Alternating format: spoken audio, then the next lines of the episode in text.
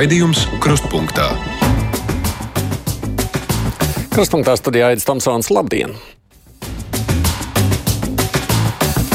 Brīvā diena, tāpēc mēs skatām īsāk, tikai stundas garumā. Nu, Diemžēl brīvā mikrofona nav, ko lai dara. Tā tas sarkanajās kalendāra dienās tiek aplānots, bet nu, nestrādāt arī nevaram. Šodien tomēr darba svētki. Tādēļ par darbu arī runāsim. Bet nu, mums piekdienās kruspunktā žurnālisti komentē un vērtē, kas tad nedēļas laikā ir noticis, un tā mēs arī darīsim šoreiz. No dažādām vietām mūsu raidījumam ir pieslēgušies vairāki mūsu kolēģi. Mani cer, dzird un redz Sanita Uplē no Delfiem. Sveika, Sanita! Sveiki! Žurnāli ir komentētājs Pauls Rauceps. Paula apsveic tevi ar trīs zvaigžņu ordeņu saņemšanu. Paldies, Aita! Lielas paldies! ja mans Frederiks Ozols arī mums pievienojies, priecīgs tev svētkus! Labdien, paldies! Un Arnis Krause, TV3, bet reizēm jau ir krustpunktā, vai ne, Arni? Sveiks, Aini! No simts gadu tomēr kopš pirmās satversmes sapulces sasaukšanas es iesākšu ar to 30 gadu neatkarības deklarācijai. Tomēr tāda svētku sajūta jau mazliet ir. Pauli, nu, ņemot vērā, ka es tevi pieminēju šajā kontekstā, kādas ir tev tās sajūtas? Nu, tev jādalās mums ar savām domām par 30 gadiem un vispār kopumā par Latviju. Nu, protams, katrā 4. maijā es atceros to fantastisko dienu, kad saulainā laikā viss nu, tagadējā saima, toreiz augstākā padoma bija uh, cilvēku ielenkumā, tā teikt, tādā labvēlīgā, un man bija tas uh, tiešām tā veiksme būt iekšā telpā, kad notika balsojums, mm. klausīties, kā deputāts Ozols nolasīja vienu pēc otru un klausījos, kā ārpusē tur skaitīja viens, divi, trīs. Un, un tās sajūtas vēl aizvien ir ļoti dzīves un ļoti spēcīgas, un katreiz, kad par to domāju, man ir jāsmaida un jāpriecājas. Bet tad tā otra lieta, par ko es aizvien vairāk domāju šajā laikā, jo nu, tas šķiet tā, nu, 30 gadi Nešķiet, ka tas būtu tik sen, bet tas drīzāk norāda uz manu vecumu nekā kaut ko citu. Bet es, bet es, tieši, bet es arī pa brīdim tieši iedomājos par tiem cilvēkiem, uh, maniem, man, nu, mani bērnu vecumā, kuriem 30 gadu vecs notikumi liekas kā kaut kāda aizvēsture. Un man jāsaka, ka tieši uz viņiem skatoties, es arī saprotu to dziļāko jēgu tam 4. maijam, jo es domāju par to. Tās iespējas, kas viņiem ir mūsdienu dzīvē, tas, kā viņi ir auguši un tas, kā viņi skatās uz pasauli, nu, tas dod tādu dziļāku, varbūt netik. Uh, Nu, tādu uzplaiksnījošu gandar, prieku, bet tādu dziļu gandarījumu redzēt, ka ir, mums ir izaugusi vesela paudze brīvā valstī, brīvā pasaulē, un man liekas, tas ir tas īstais panākums un gandarījums, ko šī diena dod. Vai vēl kāds ir gatavs dalīties ar kādām domām savām šajā? Es tik varbūt gribēju teikt, Pauls, lai nepārdzīvo par savu vecumu, jo pat es ar savām acīm esmu pieredzējis 90. Eh, gada 4. maiju. Eh, jā, tā, tā sanāca, ka 12 gadi man bija, un es no skolas devos mājās, gāju cauri vecrīgu. Un tieši sakrīt tas brīdis, kad eh, bija ļoti, ļoti daudz ļaužu pie, pie parlamenta, un es tagad vēl dokumentālajos kadros un bildēs cenšos saskatīt. Varbūt kādreiz izdosies man sevi atrast, jo es atceros, ka es biju tā kā tuvāk pie Jēkabas baznīcas sienas, bet, bet to brīdi, kad deputāti nāca ar šo uzvaras zīmi pa durvīm ārā, to es ļoti spilgti atceros, kā Mavrika Bulsons šķiet nes uz rokām tālāk uz krastmalu, kur bija mītiņš, kā, kā, kā ļaudis skaitīja šīs balsis, lai sasniegtu šo skaitu. Un, un, tas, tas viss man joprojām ir diezgan, diezgan spilgti atmiņā. Bet cik interesantā laikā mēs dzīvojam šajos laikos, 12 gadnieki ret, kurš interesējās, kas notika pie saimnes nama vai ne? Nāc ārā sadīt.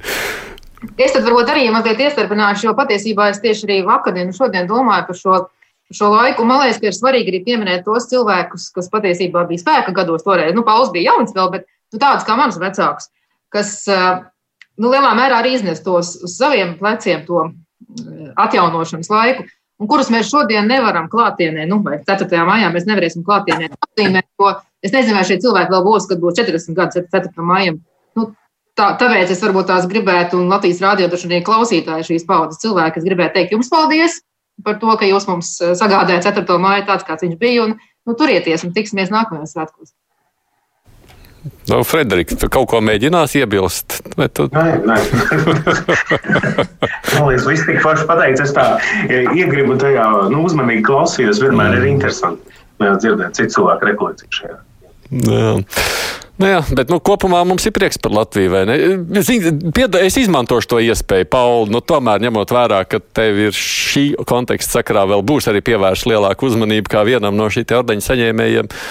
Es Vienkārši es domāju, tev nekad nav licies bācis, priekš kam tu atbrauc uz Latviju, vai arī ja taču palikt savā Amerikā un dzīvot mierīgi. Nē, tas, tas, tas nekad, tiešā, nekad. nekad man tā nav licies, nekad.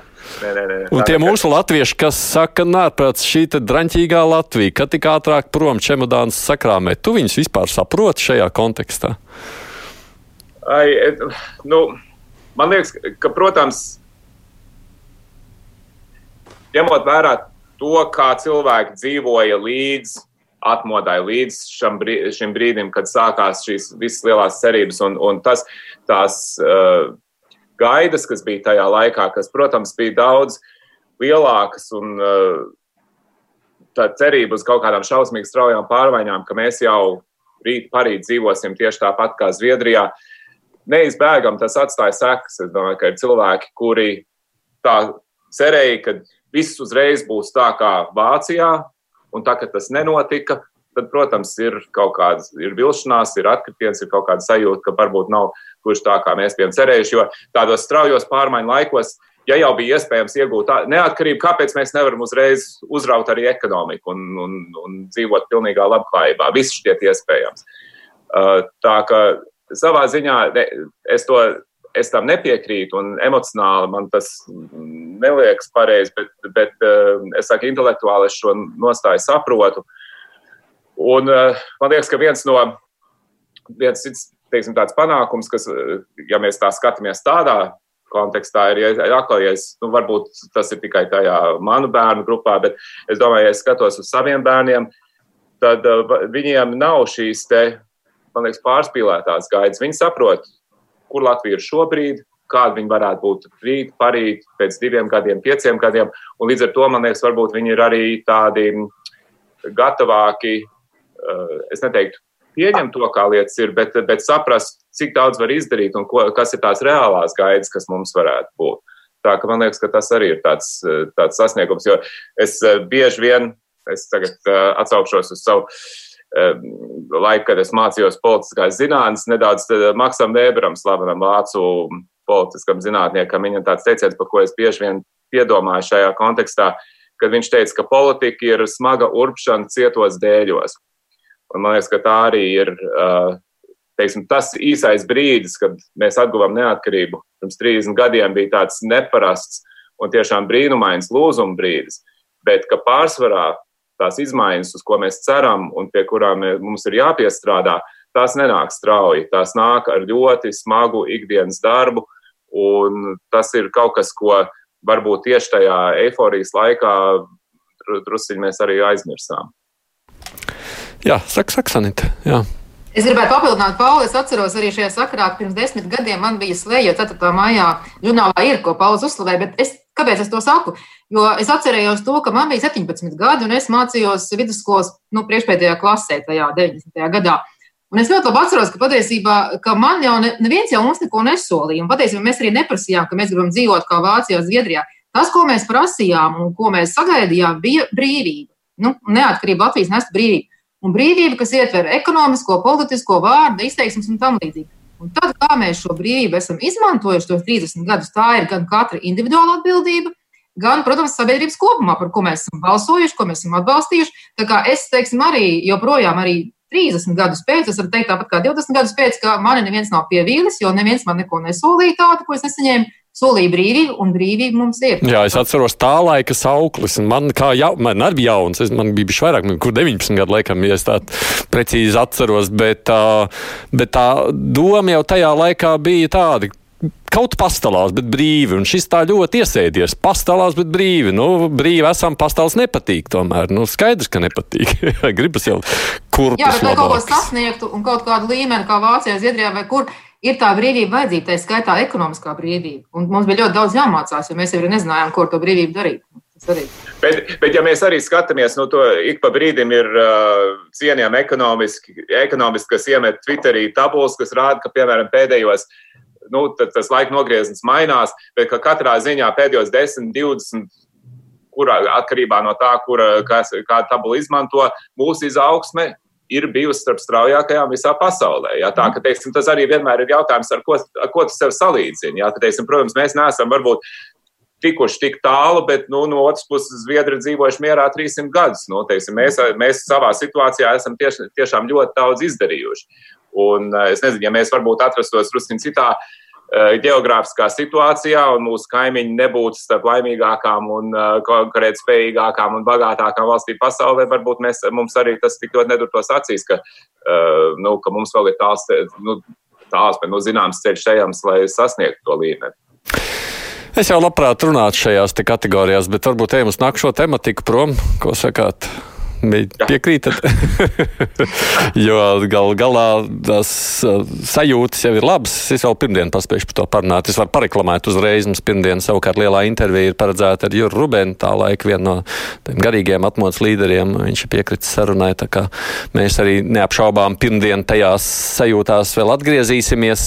Man tikai, ja drīkst īsi jā, par 4. No, māju jā. pabeidzot, man, ja, ja reiz iespēja Paulam pavaicāt, Paul, kā tu tiksi pie trīs zvaigžņu ordeņa tagad, kad, kad nekāds pasaules pats, pats piekabinās. Tas nav jautājums man, tas ir jāprasa drīzāk Rīgas pilī, kad viņi un uh, krīzes vadības centram un tā tālāk, kad ļaus tāds lielāks pulcēšanās, jo es saprotu, ka tā ceremonija nu, nevar notikt attālināti caur Zoom, tā ka nu, kaut kad cilvēkiem būs jāsnāk kopā. Nu, tur es nezinu. Ardens ir, bet dabūt nevar tādu apmēram tā ideja. Jā, jā, varbūt var uztaisīt emoji un atsūtīt. Par koronavīrusu mēs dzirdējām šonadēļ, ka nākamnedēļ valdīt, valdība varētu lemt par kādiem pirmajiem karantīnas mīkstināšanas soļiem. Nīman, sāksim ar tevi, jo tu vismazāk esi ticis līdz šim pie vārda. Ko sakāt par šiem priekšlikumiem, jeb idejām mīkstināt?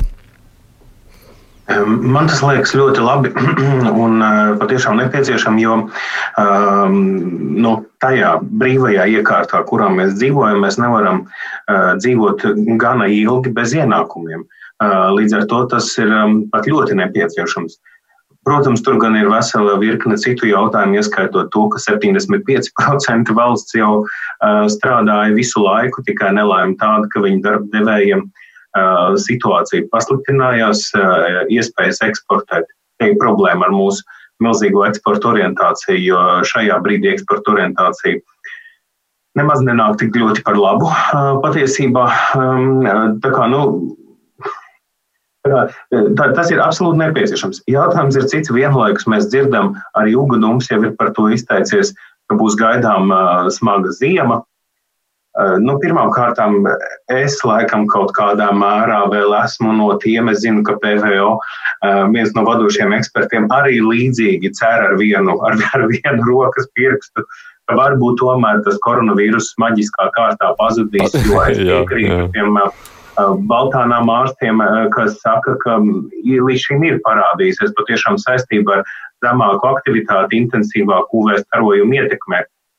Nu, nevēl tūvēs starojums arī tiek izmantots uh, telpu dezinfekcijai.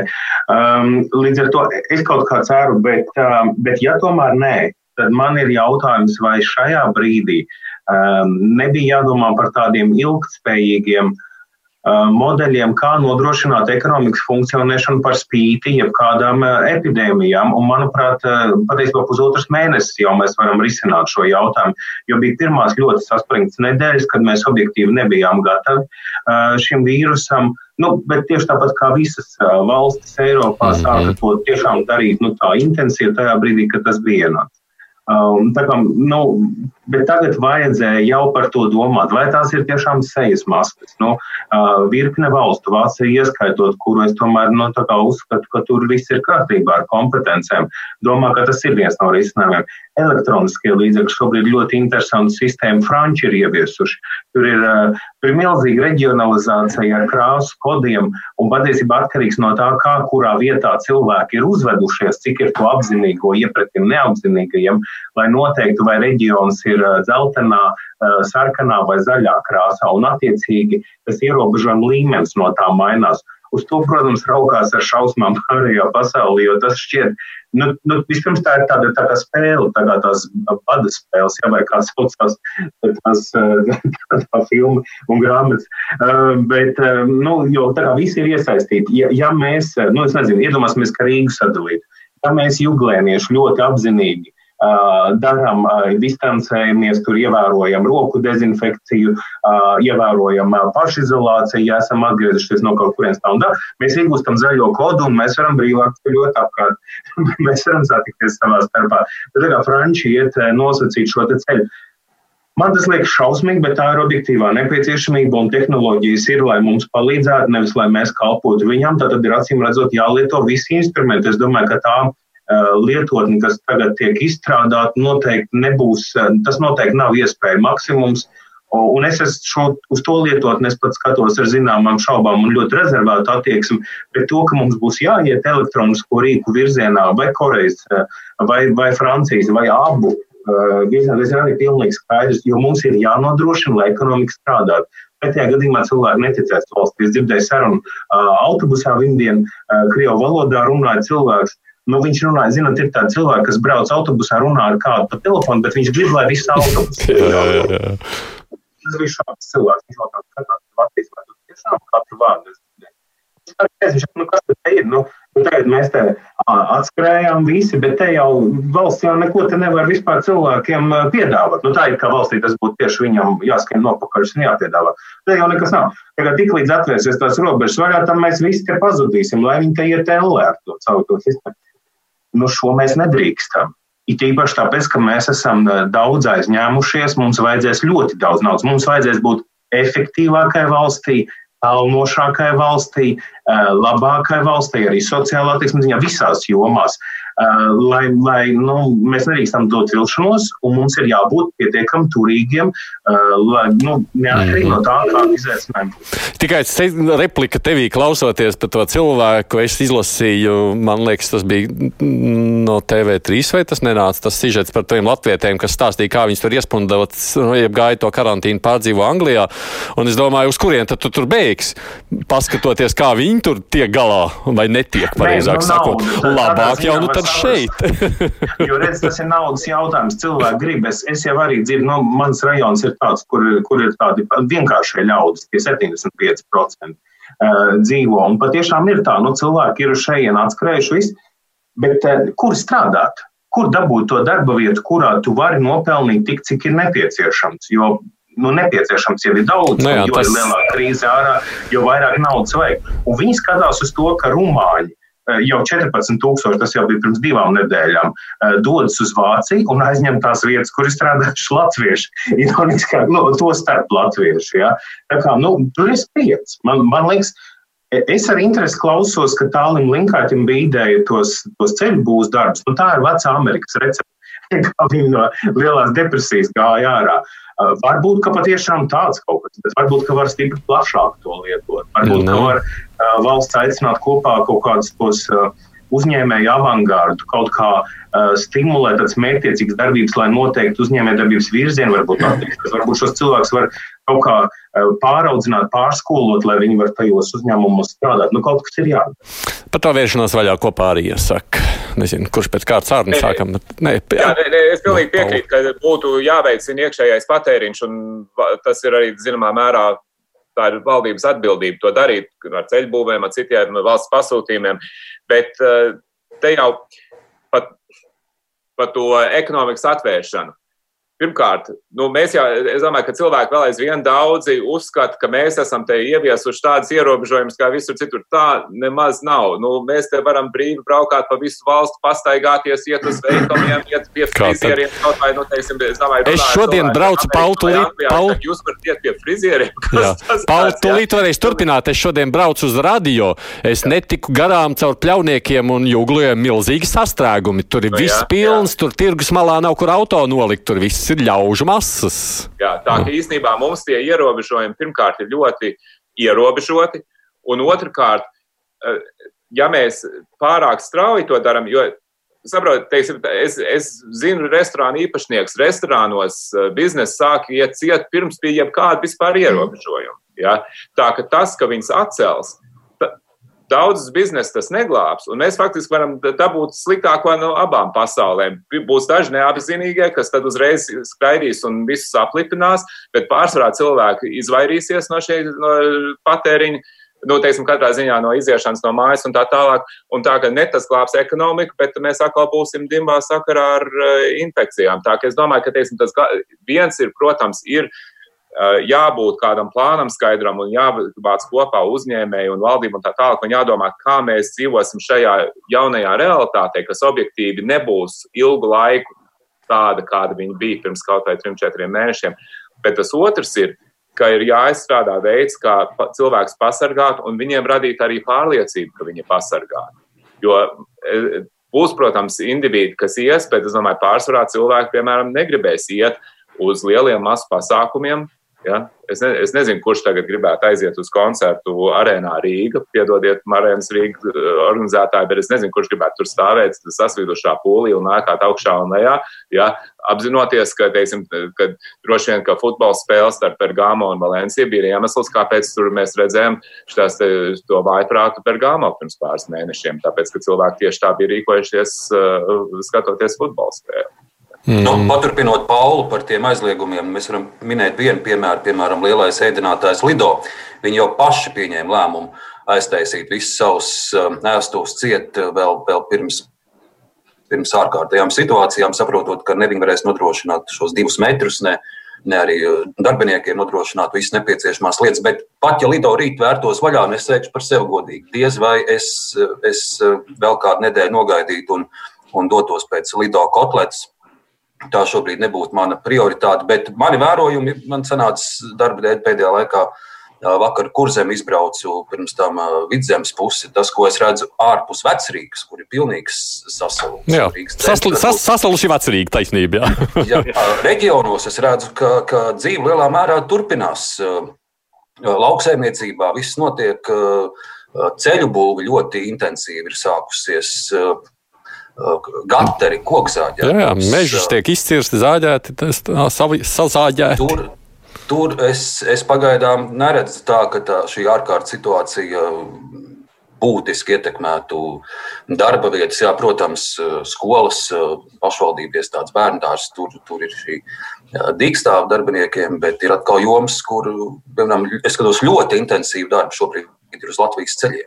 Mm -hmm tur, tur viss turpinās. Nu, manā garkalnē, starp citu, man liekas, visas ražotnes, kuras es zinu, sev apkārt ir atvērtas. Visās cilvēki iet uz darbu no rīta un pēcpusdienā nāk mājās. Sant. Jā, un vēl svarīgi tas, ko, tas, ko mums būtu jāatgādina reiz un reiz vēlreiz klausītājiem par šiem ierobežojumiem, to, ko teica jau Pauls. Es, man šonadēļ televīzijas ziņnedēļa, un es katru vakaru lasu, kāda ir ierobežojuma katrā valstī. Un, piemēram, vakar man bija stāsts par Austrāliju, kur kur ir ļoti labi rezultāti cīņā ar vīrusu. Galvaspilsētā Kanberā ir pēdējais eh, cilvēks izvesaļojies, bet tik un tā.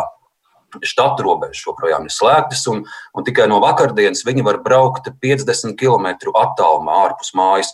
Nu, mēs no sākta gala varam braukt no Pāvilostas līdz Dagdai un atpakaļ uz Pāvilostu bez nekādiem ierobežojumiem. Daudzās eh, Spānijā, Itālijā tikai, tikai pēc sešu nedēļu sēdēšanas mājās pusauģi līdz 14 gadiem beidzot var iziet ārā no mājām. Mums, protams, mm -hmm. nekas tāds nav bijis. Krievijā 100 metru ap māju tas ir maksimālais rādījus Maskavā, kurā drīkst staigāt sanīt. Es par to ražošanu arī gribēju piebilst, ka mums jau ražošana nekad nav bijusi slēgta no, no augšas pateikts. Ja tikai droši vien apstāsies ražošana tur, kur nu, vienkārši tā nav, kur likt to preci, eksportēt, un, um, un arī tiksim, ceļu, ceļu būs, nu, tad, tad viss var strādāt. Un patiesībā arī ražošana tur, kur viņi ir, faktiski mēs jau neredzam, kad ir izplatītās tā slimība, izņemot šo gadījumu šonadēļ, kas bija sauspilī. Jā, Tižotolā. Bet es domāju, ka mēs esam diezgan labā situācijā salīdzinoši citām valstīm, jo mēs tagad skatīsimies, tā kā Arnits jau teica, Austrālija un arī Eiropas valsts, viņi sāka tos ierobežojumus mazināt, un mēs redzēsim, kas notiek. Un ja mēs tā kā sekojam viņiem mazliet kā iepakaļ, tad mēs redzam, nu, ko mēs varam darīt un ko nē. Bet eh, tas aspekts, kas patiesībā mani vairāk nodarbina, nevis tīri tā ekonomiskā palīdzība. Jo es domāju, ka valsts, eh, un mēs nevaram pārvest mūsu valdībai, jo nu, neviena valdība, kā mēs redzam, pasaulē nav tam bijusi gatava, un visi domā kaut ko, kā saka, nu, kā, mm -hmm, ko darīt. Jā, jā. Mm -hmm. jā, un turklāt valdība ir Latvijas jāsaka, ka viņi tās kļūdas arī labo. Tomēr tā, viņam norāda.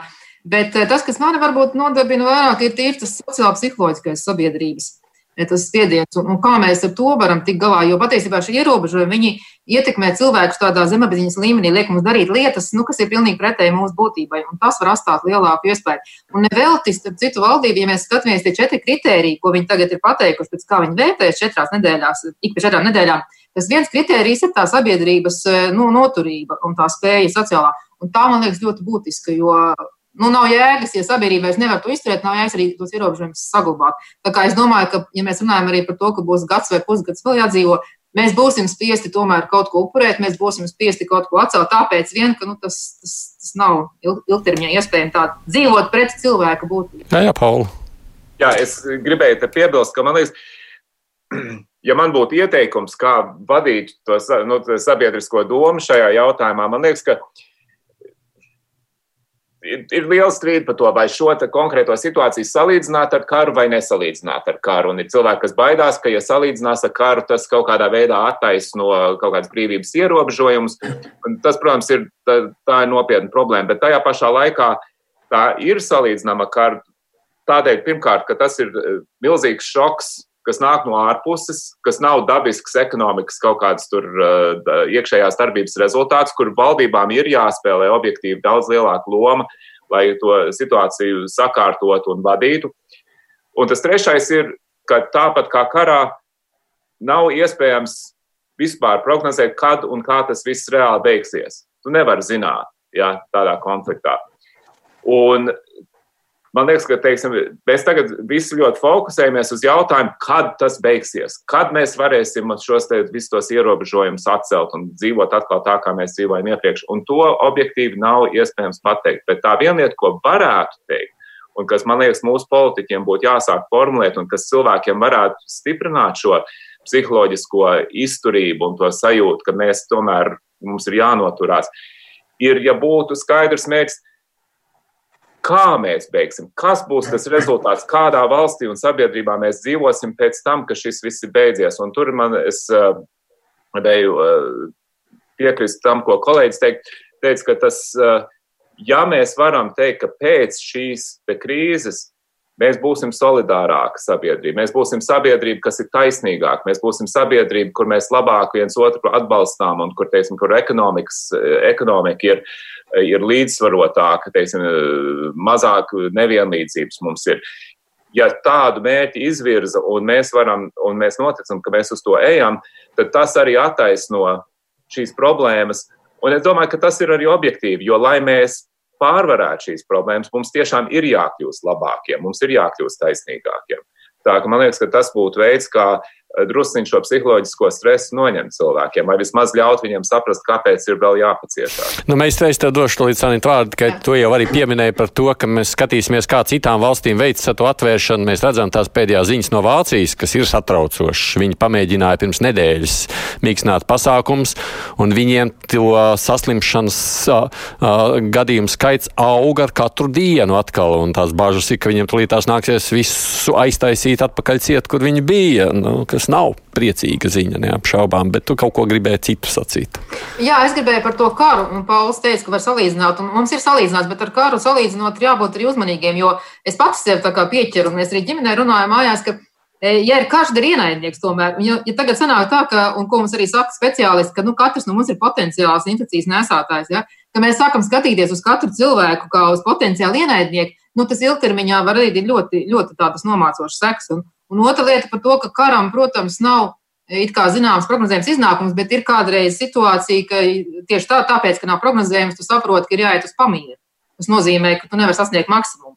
Tā kā zināmā mērā es domāju, ka mums ir būt, varbūt ir jāgatavojas tam, ka mums būs jā, jāpieņem kaut kāds kompromiss un jāiet uz pamieru. Jo, ja mēs skatāmies arī teiksim, tos ekonomikas datus, to kritumu, kas Latvijā jau straujuši pirmā ceturksnī, Vakardien es skatījos, Amerikā tas bezdarba, nu, tas pieaugums, kas pārsniedz, protams, 8. un 9. gada krīzi, tās rindas, kas stāv cilvēki pēc eh, ēdienu palīdzības arī Amerikā, Ņūdžersijā, kas ir otrs bagātākais štats un tam līdzīgi. Tad, kad lēmumu pieņēmēji politiķi valdības redz šos skaitļus, nu, tā ir viņu atbildība tomēr skatīties un meklēt kompromisu ar arī sabiedrības drošību, veselību, nu, lai mēs beigās nenomirstam badā.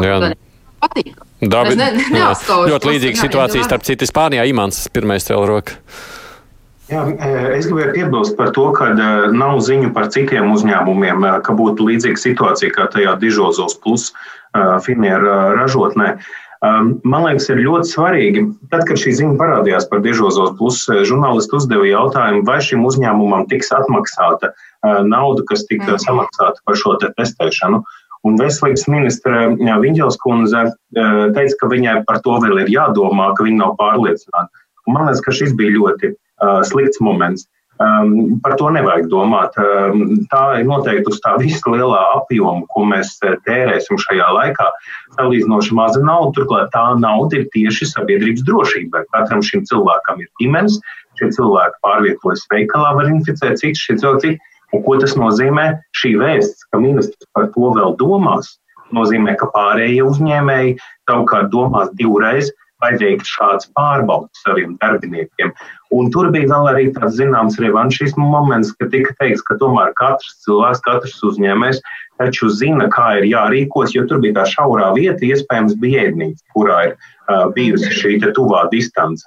Tātad uzņēmums ir kā, nu, pārs, nu, uzņēmuma pārstāvs pirms tam apgalvoja Anita Bārtaļa, ja nemaldos Latvijas televīzijā, ka viņi ir darījuši visu dezinfekciju, visu, bet rekur tev ir šaurā vieta, ēdam zāli, kur acīm redzot, tas ir ignorēts, tāpēc pats ir vainīgs, un tāpēc ir tikai nu, pareizi, ka, viņa, ka viņam ir jāmaksā šī nauda. Bet tā šobrīd nevar domāt. Uzņēmumu var sodīt atsevišķi, ja mums ir tādi noteikumi uh, par kaut kādas epidemioloģiskās drošības noteikumu ignorēšanu. Tā ir cita lieta, par to viņu var sodīt. Bet sarunājam Eh, par testēšanu tomēr maksā valsts, jo tā ir sabiedrības drošība, par ko mēs šobrīd eh, runājam. Tas bija tāds ārkārtīgi svarīgs jautājums. Un vēl tikai piebildu par tiem sociāli psiholoģiskiem, bet patiesībā tikai psiholoģiskiem aspektiem. Par to es nemaz nerunāju. Jo tie tomēr skar tiešām eh, nu, viņi skar visus, bet salīdzinoši ietekmē vairāk tos cilvēkus, kas var atļauties par to domāt, e, sēdēt mājās, strādāt attālināt vai nestrādāt vispār un domāt un reflektēt. Bet, e, piemēram, es tagad gatavoju publikāciju par cilvēku, kurš strādāja uzņēmumā, kur vienā skaistā rītā uh, iesauc iekšā 35, ja nemaldos, uzņēmumu darbiniekus, pat amerikāņu filmās. Uh, nosēdināja, un tad izgāja priekšā un pateica, pēc astoņām dienām jūs visi būsiet atlaisti. Paldies par to laiku, ko jūs pirms pavadījāt uz izdzīšanas. Šie cilvēki man uztrauc nesalīdzinām vairāk. Tie, kas brauc katru rītu sabiedriskajā transportā un nodrošina šīs ekonomikas funkcionēšanu, tie, kuriem nav iespējas izvēlēties, bet ir, viņiem ir teiksim, jābūt par apkopē vai sanitāru slimnīcā, kur ir koronavīrus pacienti vai potenciālie pacienti. Un šiem cilvēkiem ir stipri mazāk laika domāt, vai tas ir karš, vai tas nav karš, kā es jūtos par šo izolāciju, vai es gribētu lidot kā putns, kur viņš lidos kā putns. Viņam pat nav šī problēma aizbraukt, es nezinu, uz ķemeru tīreli, pastaigāties vai ko. Viņam ir jāstrādā. Viņam tā nauda tāpat knapi pietiek. Šobrīd pirmā slimnīca, atkal tie pašās publikācijas sakarā, meklē virtuves darbinieku, kas nodrošinās ēdienu izdali cilvēkiem, tātad saskarsies ar pacientiem par 500 eiro uz papīru. Mm, es Ārnis laikam pirmais pa priekšu un tad sanit. Jārni.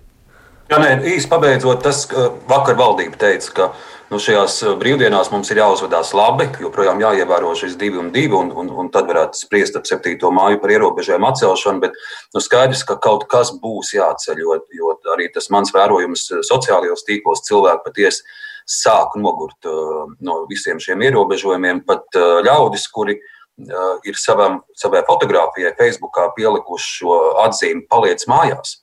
Pat tie, es redzu, tagad sāk rakstīt, ka, ka, ka, nu, ka viņi tiešām nogurst, un, un, un, un daži jau sāk vispār apšaubīt, vai, vai šie ierobežojumi ir samērīgi. Un, un, Un otra lieta, tas, ko es redzu, lai es nesēdētu savā Twitter burbulī, kur daudz maz man ir pazīstami. Facebookā gluži otrādi, man ir lielākā daļa nepazīstami cilvēki. Un tas, ko es redzu pēdējās nedēļās, īpaši pēdējās dienās, nu, tās eh, viltus ziņas, puspatiesības, melu ziņas, nu, tur peļās tiešām milzīgā straumē. Un labi, var jau pasmieties, es kādu kundzi vienu dienu mēģināju viņu, viņu pārliecināt, man neizdevās, jo viņa bija rakstījusi, ka ka koronavīrusu var izārstēt biešu sulu. Un tad es viņai prasīju, kur, nu, kur, no kurienes viņa to ņēmusi. Kaut kāds zinātnieks to teica, nē, bet viņa to es no drošiem avotiem. Nu, tādām lietām varbūt var pievērt acis, bet, bet uh, ir arī ļaudis, kas es paskatos ar divām augstākām izglītībām, un kuri tiešām tic šiem stāstiem, ka burtiski vai rīta pusdienas laika doma laukumā visus sāks uh, čipēt ar, uh, ar Bill Gates vakcīnām. Un, un, un pat es skatos tādu nopietnu cilvēku šīm lietām sāk ticēt. Tad, tādēļ man liekas, tas arī diezgan nopietni, mm. un, un arī tam būtu jāpievērš uzmanību, ko, ko darīt ar šīm viltus melu ziņām. Jā, nu šīs tiešām ir pēdējā nedēļa, jau mēs jau te raidījumā esam vairāk kārt runājuši. Sanīt, vēl tevi un tad ejam uz citiem tematiem.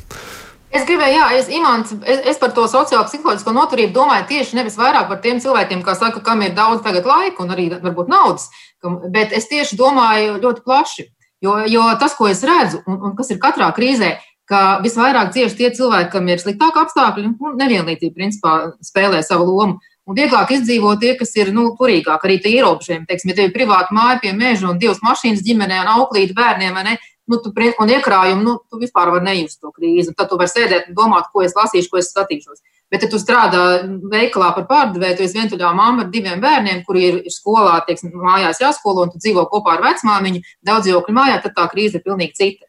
Un tas ir tas stāsts, un tāpēc mums ir jādomā par visu to sabiedrību un jāpalīdz. Tas nav tikai par to, eh, ka tas ir, nu, kā saka, kaut kādiem dažiem cilvēkiem. Nu, Paul, tu pierunāji uz vienu minūti. Es arī domāju, ka, teiksim, ka tas eh, no visas sabiedrības eh, noturības un psiholoģiskās noturības un tādas rīcības viedokļa būtu ļoti labi, ja pateikt, ka tiešām mūsu mērķis ir iznākot no, šī, no šīs krīzes, ir lai arī šiem cilvēkiem, kur tiešām ir uzņēmušies lielāku risku un nodrošinājuši mūsu sabiedrības funkcionēšanu šajā laikā, bet kas līdz šim ir bijuši slikti atalgot, ka mēs par to arī neaizmirsīsim pēc tam. Jā, man liekas, tas būtu būt ļoti svarīgi. Mm -hmm. Es atgādinu, šeit mums komentējot notikumus ir četri mani kolēģi, žurnālisti Pauls Raucis, Sanita Uplē, Frederiks Imants, Frederiks Ozols un Arnas Krauze. Nu, vēl citi pāris temati noteikti jāpārunā. Raidījums Krustpunktā. Ja būs laiks, es atgriezīšos pie kaut kā, kas ir saistīts ar koronavīrusu, bet pāris notikumu, kas noteikti nav ar to saistīti, bet ir bijuši interesanti šajā nedēļā, saistās ar personālijām. Un viena no tām ir Mārtiņš Bondars, cilvēks, kurš vada Saimas budžeta finanšu komisiju un kurš nu, šonadēļ uzzinājām, ir saņēmis gala spriedumu, proti tiesa nolēmus, ka viņam solidāri ar vēl vairākiem valdes locekļiem ir jāmaksā 15 miljoni krājbankas lietā. Un, uh, jautājums ir, viņš ir tiesīgs turpināt būt atbildīgais par valsts naudu un saimnes budžeta komisiju vadīt. Nu, jūsu viedoklis par šo, kurš sāks pirmais ārni? Nu, es varu sākt, jo es pirms raidījuma vēlreiz pārlasīju uh, Facebookā pats Mārtiņš Bondārs ir tādu garāku aprakstu uzrakstījis, kur viņš saka, ka nu, uh, diez vai daudz viņam ticēs, bet viņš vēlreiz izklāst savus argumentus, kas toreiz īstenībā kā notika, ka viņš uh, bija paļāvies uz saviem darbiniekiem, kuri viņam bija sagatavojuši dokumentus, ka šie kredīti ir droši un ka tur ir segums un, un nauda nepazudīs. Mm, to, to viņa skaidrojumu interesanti var izlasīt, bet, eh, bet no otras puses eh, man ir eh, jau trīs dažādu tiesu secinājumi.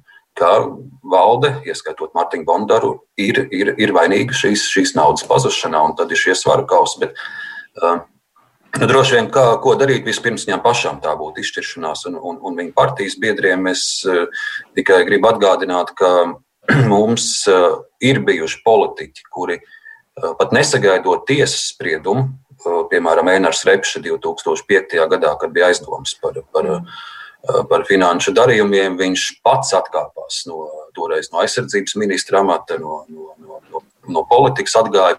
Pēc tam tiesa lēma, ka, ka viņam nav nekāda pārkāpuma. Ir bijuši daudz mazāk notikumu, kur, kur ministri mums ir atkāpusies par, par uz valsts rēķinu nopirkt zemeņu kūku. Tā kā, tā kā nu, šeit nu, vispirms jau droši vien pašam Mārtiņam Bondaram šī izšķiršanās ir jādara. Viņš gan saka, ka viņš jau turpinās tiesāties, dosies uz, uz atvērsmes tiesu, uz cilvēktiesību tiesu Strasbūrā. nu, citi, ko saka par šo Sanītu? Es saprotu, kāpēc Mārtiņš Bandars neatkāpjas, jo viņš, protams, es vienkārši vēroju klātienē diezgan daudz budžeta komisiju, un viņš ļoti labi tiek galā ar to, ar ko pozīcijai jātiek galā. Un viņš ir noderīgs viņiem, bet, nu, es pat neesmu droša, vai es teiktu, ka viņu obligāti jāatkāpjas. Viņu ievēlēja tad, kad tā lieta jau bija zināma, ka tā notiek. Nu, līdz ar to, zināmā, tā ir vēlētāja izvēle. Nu, Mums tur, turklāt saimā vairākas komisijas un frakcijas vada cilvēki, kuriem ir aktīvas, kā saka, krimināla lietas. Un par Bondoru ir svarīgi, kāds es viņu neaizstāvu, bet atcerēsimies, ka šī nav krimināla lieta, šī ir civila lieta kurā administrators ir prasījis, un tā kā principā mēs nevarētu arī teikt, ka viņš ir, nu, viņam ir krimināli, viņš ir sodīts un atzīts par kaut ko vainīgs. Krimināla lietas, cik es zinu, ir tikai priedītim un, un citiem no, no tiem.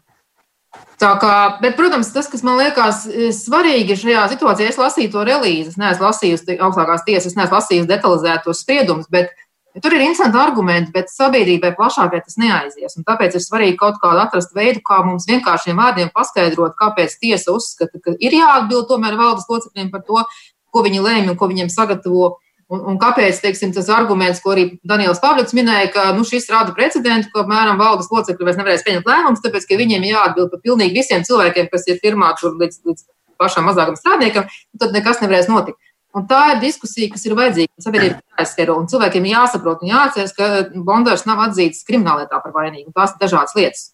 Mm, labi, Paul. Es, nē, nu, pirmkārt, es domāju, ka valsts locekļiem tieši ir jāatbild no augšas līdz apakšai. Viņi izvēlas cilvēkus, kuri ieņem amatus, un viņiem ir jāiz, un ir izvēlas kontrolas mehānismus, un tiem ir jābūt tādiem, kas nodrošina likumību un, un labu pārvaldību. Tā, mēs, Eh, ja mēs kaut vai skatāmies eh, uz to pašu Svetbanku, kurai ir tagad liels nepatikšanas sakarā ar nespēju izkontrolēt naudas atmazgāšanu pēdējos gados, nu, tur reāli arī at, atkāpās eh, vairāk valdes locekļu pēc tam, kad tas nāca gaismā, lai gan viņi arī apgalvoja, ka viņi nu, ne, nu, nevarēja kontrolēt to, kas notika Igaunijas viņa tajā filiālē. Tā, ka, tā ka es domāju, ka tā, protams, ir valdes locekļu atbildība. Drusīgi pakāpjoties malā, es domāju, ka mums vispār ir skatoties uz šo gadījumu, es arī domāju, ka tas eh, noteikti nu, labākā gadījumā neizskatās labi, ka, finanšu, eh, ka budžeta komisija vada cilvēks ar šādu spriedumu. Bet atcerēsimies, kā vispār šī valdība tika veidot. Viņa tika mm. sakliķēta kopā no tik, tik dažādām, visādām politiskām lauskām un, un um, īpatnējiem veidojumiem. Uh, nu, Bondārs nebūtu nav vienīgais, kā Sanita jau teica, kurš, eh, ir, kurš vada komisiju ar, ar īpatnē ar tādu diezgan garu šleifu. Jā.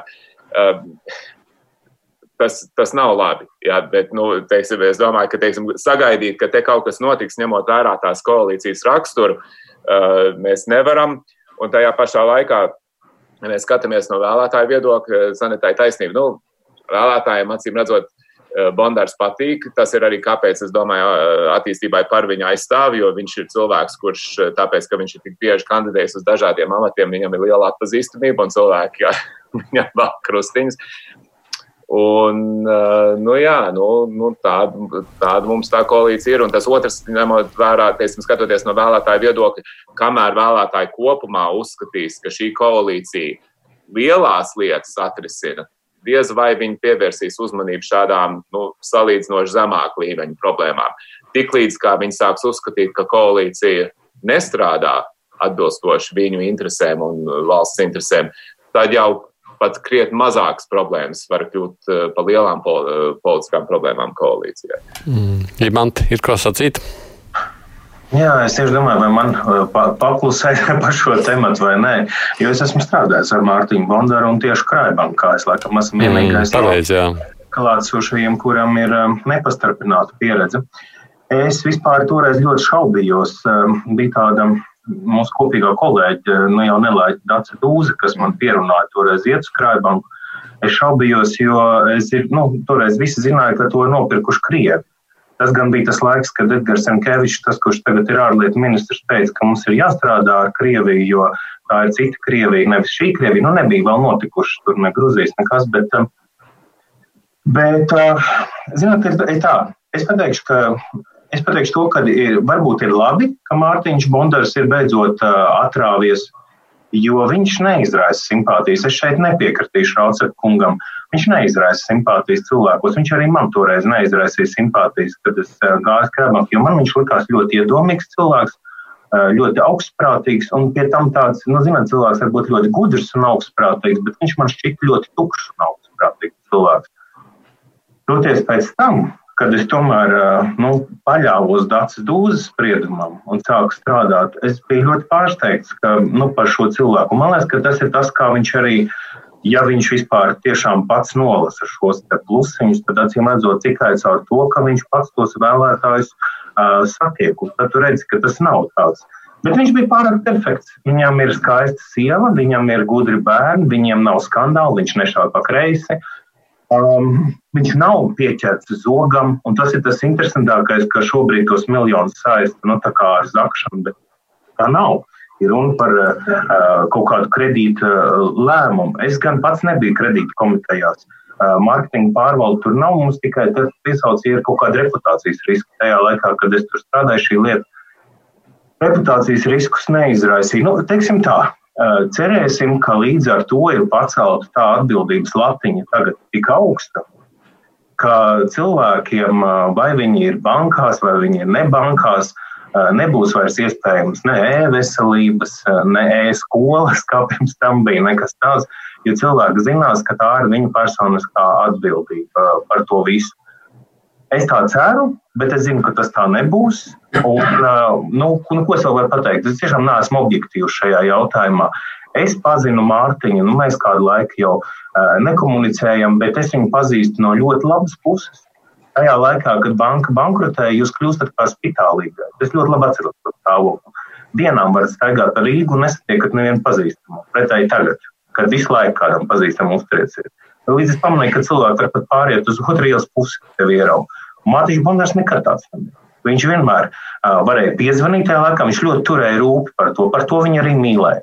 Bet, ja tur ir viņa vaina, ja šī vaina ir pierādīta, nu, protams, tikai vienīgais ir tā kļūda, viņš nav nozadzis tos miljonus. Un man liekas, ka tas ir tas, kas šajā komunikācijā varbūt paslīd cilvēkiem garām.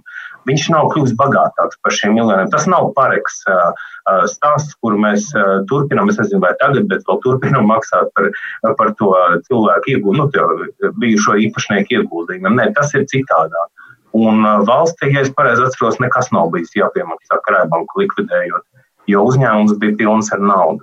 Bet mums, es tomēr pateikšu, man bija ļoti žēl, ka banku nenopirka latvieši tajā laikā mēs ļoti cerējām, es atceros, mēs un Nelaiks Dācidus, mēs ļoti cerējām, ka, ka varbūt mēs uztaisīsim tādu to tēlu. Mēs piedalījāmies dziesmu svētkos, mēs eh, piedalījāmies visādos kultūras pasākumu uh, sponsoringā ar cerību, ka mūs kādreiz pamanīs, ka sapratīs, ka mēs esam bijuši kopš, nu patiesībā kā pasta banka jau kopš uh, 19. un 20. gadsimta mīs, un ka mums tie īpašnieki nomainīsies. Tas nenotika. Un, ja tu esi strādājis uz Krievu, nu, tad tu esi strādājis uz Krievu, un, un, un šis nekur nepazūd. Mm. Arī monētam. Man bija interesanti jūs klausīties, neslēpšu, šķiet, šie viedokļi ir tādi, kas ļauj arī paskatīties uz notikumiem ar nu, dažādu skatu punktu. Man ir trīs minūtes tikai vēl viena amatpersona. Nezinu, kurš vairāk ir gatavs no jums par to pieminēt. Mēs dzirdām šodien Rīgas būvvaldes vadītājs vakar tika atstādināts no sava amata, un viņam arī iet līdzi dziļa vēsture. Viņš tur skaidro, ka pašreizajā pagaidu valdība, ja tā administrācija turpina uh, iesākt to viņa politisko vajāšanu, kur, uh, kā zināms, Buraukungs gribēja no viņa atbrīvoties. Ir kādam tāds komentārs par to, kas notiek Rīgā šobrīd, uh, vismaz būvvaldes? Valdes kontekstā. Kā jūs vērtējat to? Arnēs māja ir galva nevirzienā, varbūt kādam ir jāvirziens arī. Visos sanīt man runās. Saka. Man nav īsta versija, kas notiek tieši būvvaldē, bet tas, kas notiek domē, protams, man tas uztrauc un nodarbina tieši tāpēc, ka es, ne, es domāju, ka viņi pārsteidzās ar šīs domas atlaišanu, un tagad mēs redzam, ka šajā situācijā ir uz ilgu laiku administrācija pagaida, un visu, ko viņi dara, mēs īsti nevaram nu, šajos apstākļos izvērtēt un saprast. Man nav simpātija pret Vircavu, bet uh, kopumā mani, principā, kā rīznieku dara bažīgi šī situācija. Mm, labi, man bija gatavs turpināt. Man, man ir tikai viens eh, cits aspekts. Es skatos, ka šobrīd kaut kas notiek. Mēs saprotam, ka Rīgas domas administrācija ir pakļauta ministram uh, Jurim Pūcem un paralēli sabiedrības integrācijas fonds, kur ir Zaiga Pūce. Uh, tātad viņa sieva uh, tur dala kaut kādas naudas mēdīju projektiem, kas ir vitāli nepieciešami, lai mēdīji vispār izdzīvot. Es ceru, ka tas tā nav. Es ceru, ka tas ir mans nu, krāsu sabiezināšanas gājiens. Bet es ceru, ka nav kaut kādi tie mediji vai portāli vai vēl kaut kas, kas baidoties šo naudu dabūt, nebūs pietiekami kritiski attiecībā uz Rīgas domu. Man tas biedē, tas ir vienīgais tajā visā. Visādi citādi virsavs ir bijis pie tik daudzām lietām, ka, nu, nu. Vai, vai, vai, no malas, raugoties, varu, varu to pateikt, bet man liekas, nu, cilvēks ir spējis izdzīvot nu, visādām nelaimēm. Jā, okay, es gan Pauli, tev minūti. Nē, man, man godīgi sakot, eh, es domāju, ka man nebūtu nav žēl, ka iepriekšējā doma ir atlaista, jo tas, es domāju, ka tas, ko viņi tur ir sastrādājuši gan no vienas puses, gan no otras puses, un atstāt viņus eh, ar visiem šiem uh, ar visu to naudu un eh, varas instrumentiem rokās nebūtu prātīgi. Man, protams, arī ir bažas par jauno administrāciju, jo kontrole pār viņiem ir diezgan ierobežota. Tāpēc man šobrīd ir viena lieta, ko es gribētu redzēt, un tas ir uh, pašvaldības uzņēmumu auditu publicēšana. Tas ir jāizdara šai administrācijai. Tā ir lieta, ko iepriekšējā doma un domas vadība kategoriski saprot, saprotam iemeslu dēļ negribēja darīt. Tie auditi ir gatavi, tie ir jāpublisko. Un varētu sākt ar Rīgas satiksmi. Nu, tas ar, arī ar visiem. Jā, jā. Nām pārvaldnieks. Mums priekš, jā. Tad, nu, zināmā mērā, protams, tā arī ir mūsu žurnālistu atbildība pie tā turēt, jo no māja viņi noteikti arī varētu būt mums publiski pieejami. Man jāpiebilst, ka Rīgas pagaidu administrācijas vadītājs nākamajā nedēļā būs šeit kruspunktā uz izvaicāšanu. Tā kā nu, arī gan žurnālistiem, gan klausītājiem būs iespēja viņam uzdot savus jautājumus. Es saku jums paldies, cienījamie kolēģi, ka jūs šajā 1. māja dienā atradāt iespēju strādāt darba svētkos. Nu, ne tikai darba. Pauls Rauceps, kurš ir žurnāla ir komentētājs, Sanita Uplē no Delfiem, Ivans Fredriks Ozols un Arns Krauze TV3. Paldies jums patiešām! Mēs jā, kā jau es sacīju, tiksimies atkal pirmdien. Tā gan arī ir svētku diena, kas nozīmē, ka arī tad raidījums būs mazliet īsāks. Uh, bet, nu, jā, īpaši jubileja 30 gadu kopš neatkarības deklarācijas pieņemšanas. Uh, tā lielā intervija, kā jau es sacīju, būs ar vienu no tā laika garīgajiem līderiem, mācītāju Juri Rubeni. Tātad klausieties mūs arī tajā laikā. Es gribu sacīt šodien neapšaubām lielu paldies visiem tiem, kas aktīvi iesaistījušies šī raidījuma nodrošināšanā. Varoņdarbu veids Monika. Martinsons šodien ļoti cītīgi strādājot pa vairākiem uh, cilvēkiem reizē, lai mūs varētu gan redzēt, gan dzirdēt. Tāpēc liels paldies neapšaubām viņai. Uh, Katrīna Bramberga šodien pie audio es parasti nepiesaucu, kas mums skaņu nodrošina, bet nu, šoreiz man tā iespēja ir. Producents tevi junām studijā Yes, hi, it's Tom Sands.